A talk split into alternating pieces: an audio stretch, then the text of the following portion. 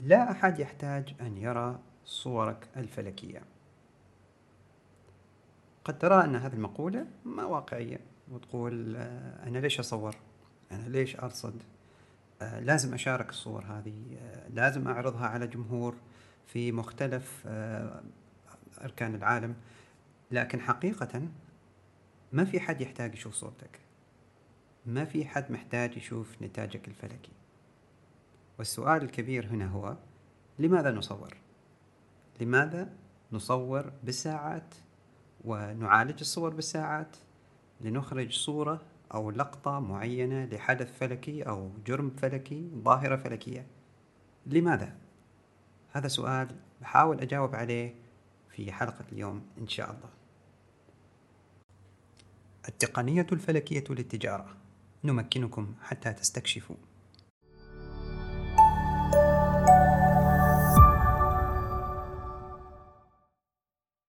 اليوم حلمي ما موجود معي لأنه في إجازة طبعا هو يشتغل في الإجازة لا تعتقد إنه يأخذ إجازة لأنه ما شاء الله عليه دائما حرك ويحاول يجد الجديد ويخلق فائدة وطبعا قيمة مضافة لزبائننا الكرام وأصدقائنا كذلك. لذلك اليوم سأقوم بهالحلقة يعني أكلمكم وحدي عن موضوع اللي هو لماذا نصور ولماذا نشارك وهل بالفعل في أحد يحتاج ويهتم يشوف صورنا الفلكية؟ طبعا سؤال كبير كان دائما آه، يدور في بالي من ما بدأت أشوف إن التواصل الاجتماعي آلية جيدة للوصول للجمهور وأيضا قبل ذلك كانت هناك مواقع كثيرة متخصصة في طرح الصور بشكل عام آه، ليس فقط الصور الفلكية ولكن أيضا الصور اللي تكون صور فوتوغرافية. واللي آه، شجعني إني أقوم بهذه الحلقة اليوم. آه، قرأت مقال في أحد المواقع آه، المهتمه بالتصوير بشكل عام وكان عنوان الحلقة أو عفوا المقال بالفعل لا يحتاج أحد أن يرى صورك أو نتاجك من التصوير الفوتوغرافي.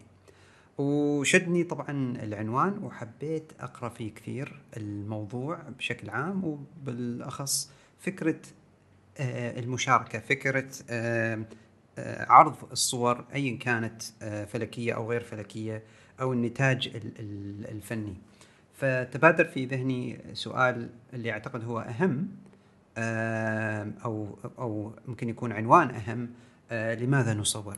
لماذا نصور الصور الفلكية أو الفوتوغرافية المختلفة؟ ليش نحن نحاول إنه نلتقط أو نقتنص اللحظة وأيضا نحاول من خلال اقتناصنا هذه اللحظة مشاركة هذه اللحظة مع الجميع. طبعا كثير منكم أكيد يمارس هذا الشيء اللي هو المشاركة وما أعتقد إنه في أحد من مستمعينا الكرام اللي ما جرب واستخدم إحدى منصات التواصل حتى يعرض صوره المختلفة الصور الفلكية أو الصور العادية للأحداث المختلفة فأنا بالنسبة لي عندي فلسفتي الشخصية في الموضوع آه وطبعا هذه الفلسفة تختلف مع مرور الوقت والظروف على حسب آه المتاح لي وغير المتاح كيف يكون ذلك؟ طبعا آه لما أسأل نفسي ليش أصور أنا في بالي التصوير هي فرصة ل يعني التقاط الضوء اللي كثيرين ما ما يقوموا به اللي هو التصوير الفلكي. وما الهدف مني من دخولي في التصوير الفلكي واهتمامي اللي هو التفرد. والسبق لا بالعكس كان بالنسبة لي شخصيا كان آه يعني بدت من خلال هواية التصوير بشكل عام والفضول العلمي وبعدين تدرجت إلى التصوير الفلكي بشتى أنواعه وأغلبها أنا أعتبرها تجارب. فأسأل نفسي لماذا أصور؟ أصور لأن أتحدى نفسي صراحة. أعتقد أنه الواحد يتحدى نفسه يحط إطار لنفسه آه، أنه إيش يريد يحقق وكيف يريد يتقدم في الهواية أو أو الاهتمام اللي هو عنده. فبالنسبة لي جواب السؤال لماذا نصور؟ هو لي أنا وليس لغيري. لأنه في كثير من الصور الفلكية اللي عندي والصور أخرى وأيضا نتاج فني آه، آه، من ناحية التصوير مثلا تايم لابس مرور الوقت أو كذلك الفيديو. ما نشرته ابدا تركته في آه، أرشيف الكمبيوتر. والهدف من ذلك كان إنه أنا أحاول أبحث عن شيء في كل تجربة أحاول أكتشف شيء مختلف. وهذا شيء راجع إلي أنا مو لأنه الجمهور بيقول والله أنت صورك جميلة. طبعا الكل يحب إنه يكون في تشجيع. والتشجيع آه، نوعين في نوع اللي هو معنوي وفي نوع اللي هو دعم فعلي من خلال تجارب آه، آه، مشاركة تجارب مع الآخرين. لكن حقيقة بداية التصوير واستمرارية التصوير تكون من الفرد للفرد. هذا هذا اللي هي فيها استمرارية فيها استدامة إن صحت الكلمة. فلماذا نصور؟ طبعا في جمهور من المصورين والهواة وأيضا المحترفين. يصور عشان جزء إنه يشارك نتاجه الفني لأنه نحن كبشر كائن اجتماعي ودائما نجد حولنا الأدوات أو الأشياء أو المواضيع اللي ممكن نشاركها مع الآخرين حتى تثري حياتنا. سواء كانت كتابة أو تصوير أو رسومات فنية أو مثلا نتاج مختلف مثل ميكانيكيين لما يعالجوا السيارة ويحطوا فيها أشياء جديدة ويغيروا فيها مثلا وقس على ذلك طبعا. فكل هذه الأشياء الجميع يحب يشاركها. فأنت لما تدخل في التواصل بتشوف عدد كبير من الأنشطة والهوايات والاهتمامات اللي يطرحها أفرادها في المجتمع الافتراضي. آه، وطبعا هنا تبدأ عاد تظهر أهمية الإعجاب بالنتاج اللي أنت حطيته. اي ايا كان هذا النتاج الفكري أو الفني. فهنا يدخل عالم آخر آه، عالم جميل لكن في نفس الوقت عالم مخيف في قناتي. آه، التواصل الاجتماعي أكيد فتح آفاق كبيرة للجميع. وما في ما في شك في ذلك. ما في شك في ذلك. لكن أنا في قناعتي وقد يشاركني البعض هذا الشيء والآخر قد يرفض هذه الفكرة. لكن التواصل الاجتماعي آه نقول غير آه الفكر الفني. أصبح النتاج الفني قصير يعني لما تنتج صورة أو تنتج عمل فني وتعرضه في التواصل الاجتماعي الاهتمام والتدقيق والاستمتاع بالنتاج هذا صار قصير آه، مدته قصيرة. أذكر لما كنت أمشي في المتاحف أي متحف إن كان يقف الفرد عند المادة المعروضة وسواء كانت لوحة أو قطعة فنية أو قطعة تاريخية ويعطيها ثواني فقط. لا يتعمق في الموضوع لا يقرأ المكتوب في اللوحات التعريفية بهذا المعروض. ولاحظت هذا الشيء كثير بدأ يتغير. جزء منه طبعا الزحمة على المتاحف. ما تعطيك الفرصة إنك تستمتع وتستوعب كل تفاصيل العمل الفني أو أو القطعة الأثرية وايا كان الموضوع المعروض. وصار صار الإنسان جدا في تسارع وتسابق مع طبعا الوقت. يحاول يشوف كل شيء في وقت قصير. وهذا اللي يعني كرسوا التواصل الاجتماعي في أجهزتنا هواتفنا وطبعا عن طريق آه، مختلف الآليات التواصل اللي موجودة ومتاحة اليوم. ف واللي يجيب سؤال ثاني في ذهني آه، هل هل المستمعين يعتقدوا أن التواصل الاجتماعي هو من يصنع المصور ولجمهور المصورين الفلكيين بالتحديد هل التواصل الاجتماعي هو من أعطاك أو حسسك أحسسك ولا خلاك تشعر أنك أنت تقدر توصل لجمهور أكبر. لذا أنت أصبحت مصور أفضل بسبب ذلك؟ أنا عندي طبعا جوابي الخاص وآخرين قد يكونوا في الشق الآخر أو آه، ضد هذا الفكر. أنا أعتقد أن التواصل الاجتماعي لا يصنع المصور الفلكي. هذه قناعتي أنا. آه، لاني أنا طبعا مهتم في التصوير الفلكي. المصورين الآخرين قد يفيدون بهذا الشيء لأنه أنا أعرف كثير من الأخوة والأخوات ما شاء الله يعني لهم حضور قوي في التواصل وساعدهم يوصلوا لأهدافهم وآفاق كثيرة. لكن أنا في قناعتي أنه كمصور فلكي آه، جيد أنك تعرض أعمالك آه، طبعا هذا شيء آه، يسعد كل مصور ولكن أيضا جيد ان تعطي صورتك حقها في التمعن والاستمتاع وحاول الجمهور يفهم إيش اللي أنت صورته؟ هل هي ألوان جميلة؟ هل هي سدم جميلة؟ هل هو قمر في طور من أطوار أو كوكب؟ آه وش تفاصيله؟ وش القصة العلمية وأيضا القصة الفنية؟ آه أتذكر من كذا سنة قبل طبعا كوفيد آه، كان في معرض آه، في الجمعية العمانية للتصوير أو المصورين وعرضوا شراكة مع الجمعية الفلكية العمانية. معرض والمعرض اشتمل على شقين من الصور. الصور اللي يسموها صور علمية أو التصوير العلمي والتصوير الفني. التصوير الفني طبعا جل المصورين ما شاء الله المحترفين والهواة من أعضاء الجمعية شاركوا فيه وغيرهم. كانت الصور طبعا اللي تشوفوها دائما في التواصل وأيضا في الشق الآخر كانت الصور العلميه وأنا شاركت فيها وكانت الحمد لله يعني مشاركة حسيتها إيجابية بالنسبة لي. آه وآخرين طبعا آه كانت أطروحة التصوير اللي فيه تقنية أكثر تقنية التصوير الفلكي اللي طبعا تختلف عن التصوير الفني. والإخراج نفس نفسه يعني أنت ممكن تصور نفس القمر نفس الجرم آه، نفس ذراع المجرة درب التبانة ولكن إخراجها الفني يختلف عن إخراجها العلمي من ناحية الألوان من ناحية التباين من ناحية آه، أيضا التوقيت وأهميته وهل هناك تركيب وإلى آخره. لكن الفكرة كانت أنه الجمهور كان متعطش للجانب العلمي لأنه كان شيء جديد نوعا ما. أعتقد مع مرور السنوات تغيرت الصورة نوعا ما لكثرة المشاركات في الصور الفلكية فاصبح التواصل الاجتماعي في قناعتي أخذ جزء كبير من جمالية التصوير الفلكي من ناحية المستقبل من ناحية الشخص الذي يرى الصور ويعجب فيها. لأسباب كثيرة مثل ما ذكرت عامل الوقت والتسارع والزحمة طبعا البصرية والضوضاء البصرية اللي ممكن نسميها أو التلوث البصري في التواصل الاجتماعي. فنرجع للسؤال الأساسي أه، هل التواصل الاجتماعي هو من يصنع المصور الفلكي؟ في قناعتي لا لأنه أنت لن تتطور إذا فقط صورت ووضعت في التواصل الاجتماعي.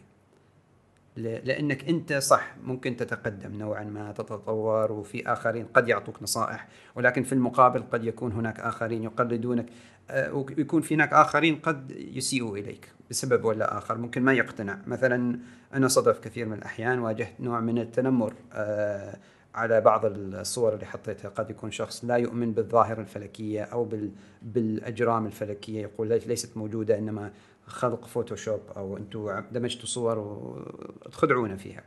آه، وفي المقابل وجدت الدعم الكبير من ال ال ال ال الإخوان والأخوات اللي بالفعل يؤمنوا بالنتاج العلمي والفني اللي أنا وآخرين من المصورين الفلكيين آه، ننتجه كنا. أو ينتجوه أصلا حتى الآن. فالتواصل الاجتماعي قد يؤدي ايجابا أو سلبا إلى تطورك أو طبعا رجوعك إلى الخلف. جزء منه يعتمد أصلا على الجمهور المتلقي وكيفية البيانات هذه اللي تطرح للجمهور آه، الخوارزميات كيف تطرح صورك متى تطرحها لمن تطرحها. فكل هذا يأثر. لكن حقيقة أنت لما تصور كمصور فلكي وتنافس نفسك على إنك تتطور وما دائما يكون هدفك إنك تغلب فلان وفلان وفلانة لا. أنت هدفك إنك تعمل حاجة مختلفة من منظورك الشخصي وتخرج العمل لأنه أنت مقتنع فيه وليس لأنه آخرين مقتنعين فيه. فلا أحد يحتاج أن يرى صورك حتى تكون مميزة. فهذا ممكن يكون آه، عنوان أفضل آه، لمقالة أو أو أو حلقة في بودكاست. أنت الذي تنافس نفسك أنت تنافسين نفسك حتى تصل إلى مستوى رائع مستوى أنت مقتنع فيه. وهذا المستوى أيوه ضروري أتعرض آه، مثل ما يقولوا تغذية بصرية أشوف اللي حاصل في المجتمع. ولكن لا يمكن أن يعتمد على التواصل الاجتماعي حتى يصنع مني مصور فلكي أو مصور في أي مجال. في الحقيقة هي التجربة وصقل المهارات اللي تخلق المصور ايا كان وخاصة المصور الفلكي. حقيقة المصور الفلكي بيستثمر ساعات كثيرة في مواسم يعني صعب جدا إنه يعني ترجع مرة ثانية. آه، كسوف الشمس مثلا لا يحصل بشكل مستمر في كل مكان ولا يحصل بشكل يعني دوري فهو نادر في خاصة في منطقتنا. فلازم نحن نشوف إنه في صعوبة في تحدي آه، تحدي الوقت وأيضا في تحدي العوامل وفي العدة قد تكون عندك عدة متواضعة لكن ممكن تنتج منها نتاج رائع. فالتجربة وصقل المهارات هي اللي تصنع المصور الفلكي في قناعتي. ولكن آخرين قد يقولوا لا لازم تشارك لازم تشوف تحصل على تغذية راجعة. بس هل التغذية الراجعة الإعجابات آه، أو الإعجاب هل آه، أو إعادة التغريدة أو آه، مشاركة المادة اللي أنت قدمتها هل هي بالفعل هل هي بالفعل اللي تسقل المهارات اللي تدفعك إلى الأمام؟ هذا السؤال اسأل نفسك. لا تنتظر مني إجابة لك أو لك. أنا في قناعتي؟ لا. هذا جزء من منظومة الحياة الاجتماعية إنه نحصل الدعم المعنوي. ولكن الدعم المعنوي ونحن نعرف حق المعرفة لا يكفي. لازم أنا شخصيا آه، أصقل مهاراتي من خلال التجربة المستمرة والنجاح والفشل كذلك. فلا تنتظر التواصل إنه يعطيك آه، مسمى معين. إنك أنت مصور بارع أو أنت راصد بارع آه، للفلك والأجرام الفلكية والظواهر الفلكية. لأن أعتقد هاجس الشهرة والظهور والوصول غصبا عنك وعنك بيفرض نفسه لحد كبير لأنه هذه طبيعة التواصل. مبرمج الخوارزميات والتشابك بالفعل صار اليوم تشابك بين الأفكار وتداخلها وتصادم الأفكار ويعني الأخذ والعطاء اللي يصير ايا كان آه، العالم الافتراضي هذا فيه أصبح آه، يعني يفرض نفسه بقوة وأصبح الجمهور الشخص والجمهور يتأثروا في بعض كثير والجميع يتحدى سقف معين قد لا يكون واقعي لجميعنا أو لا يكون واقعي لكل شخص ف هل ضروري إنك تشارك؟ مو ضروري تشارك كل شيء. مو ضروري توثق كل لحظة فلكية. آه، مو ضروري إنك تطلع وتقول للعالم أنا صورت هذا وصورت هذا وكل يوم تعمل، قد يكون قد يكون بعض الإخوان والأخوات من من المتحدثين في مجال العلوم. طبيعه طبيعة هوايتهم ليست ليست التصوير بالأساس ولكن أيضا تواصل مع الجمهور تثقيفهم. هذا أتوقع منهم يستغلوا التواصل وأي أداة ممكنة للوصول و, و... آه، يعني زيادة المحتوى في الجانب العلمي وخاصة باللغة العربية. لكن هل هل أنت أو انت المصور الفلكي ستصبح أكثر آه، إتقانا للتصوير الفلكي بسبب المشاركة. آه، في هذا السؤال الضيق آه، لك أنت ان تجاوب السؤال لنفسك. فأرجع وأقول لا أحد يحتاج أن يرى صورك. في في المقالة اللي قريتها كانت في امرأة مصورة وكان نتاجها التصوير ما حد يعرف عنه. اسمها فيفيان ماير. فيفيان ماير كانت تتصور كثير كثير كثير من الصور. ما حد كان يعرف عن هذه الصور. لخمسة عقود ظهرت هذه الصور في مخزن. آه لما آه باعوا ال ال الأغراض اللي في المخزن وجدوا ثلاثين ألف آه صورة أو آه قطعة ال negative شريط الفيلم القديم آه أيام آه طبعا سابقا. فأخذوا هذه الصور طبعا وبدأوا يحطوها على الإنترنت على التواصل. ففيفيان ماير كانت صورها جدا مختلفة.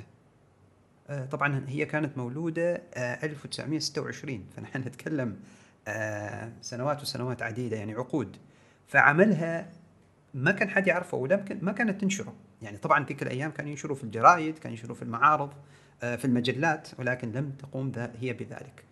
فتركت عملها واتضح يعني من متابعة عملها إنه كان في تطور رغم إنه لم تنشر أعمالها لم تقوم بوضعها في أي من المجالات النشر المختلفة اللي موجودة في الخمسينات طبعا والستينات وذاك الفترة اللي هي كثير كانت تصور. ثلاثين ألف صورة أو آه، صورة اللي هو النيجاتيف طبعا. آه، لكن صراحة يعني شيء بالفعل خلاني أفكر. التجربة والتصوير مهم جدا ولكن أعتقد يجي الهدف التصوير داخلي أكثر من أنه يكون خارجي. فالسؤال اللي المفروض كلنا نسأل نفسنا لماذا نصور ولمن نصور؟ وأنا أعتقد في الحقيقة الإجابة أرجع وأقول لا أحد يحتاج أن يرى صورك ولكن عليك أنت أو أنت أن تصور لنفسك قبل غيرك وإذا أحببت المشاركة شارك ولكن كون واقعي وكون عملي وفكر كيف ممكن تطور نفسك من خلال التصوير والتجربة وصقل هذه المهارات اللي موجودة. ولا تقلق عن الجمهور ولا تقلق عن الإعجابات فحقيقة هذه الأشياء ممكن تدعمك ممكن تساعدك ممكن تحسسك بالإيجابية ولكن خلي تصويرك لنفسك وخلي تصويرك لنفسك واعتقد التحدي الشخصي هو الذي بيدفع الإنسان للأمام مع المشاركة آه، مع الجمهور واكتساب الخبرة من خلال الاحتكاك مع أهل الاختصاص والمتقدمين بشكل أو آخر. في النهاية أحب أشكركم على متابعة حلقة اليوم وأتمنى أنكم تشتركوا في بودكاست دردشة فلكية على مختلف منصات البودكاست. أتمنى لكم وقتا سعيدا وسماء صافية إن شاء الله.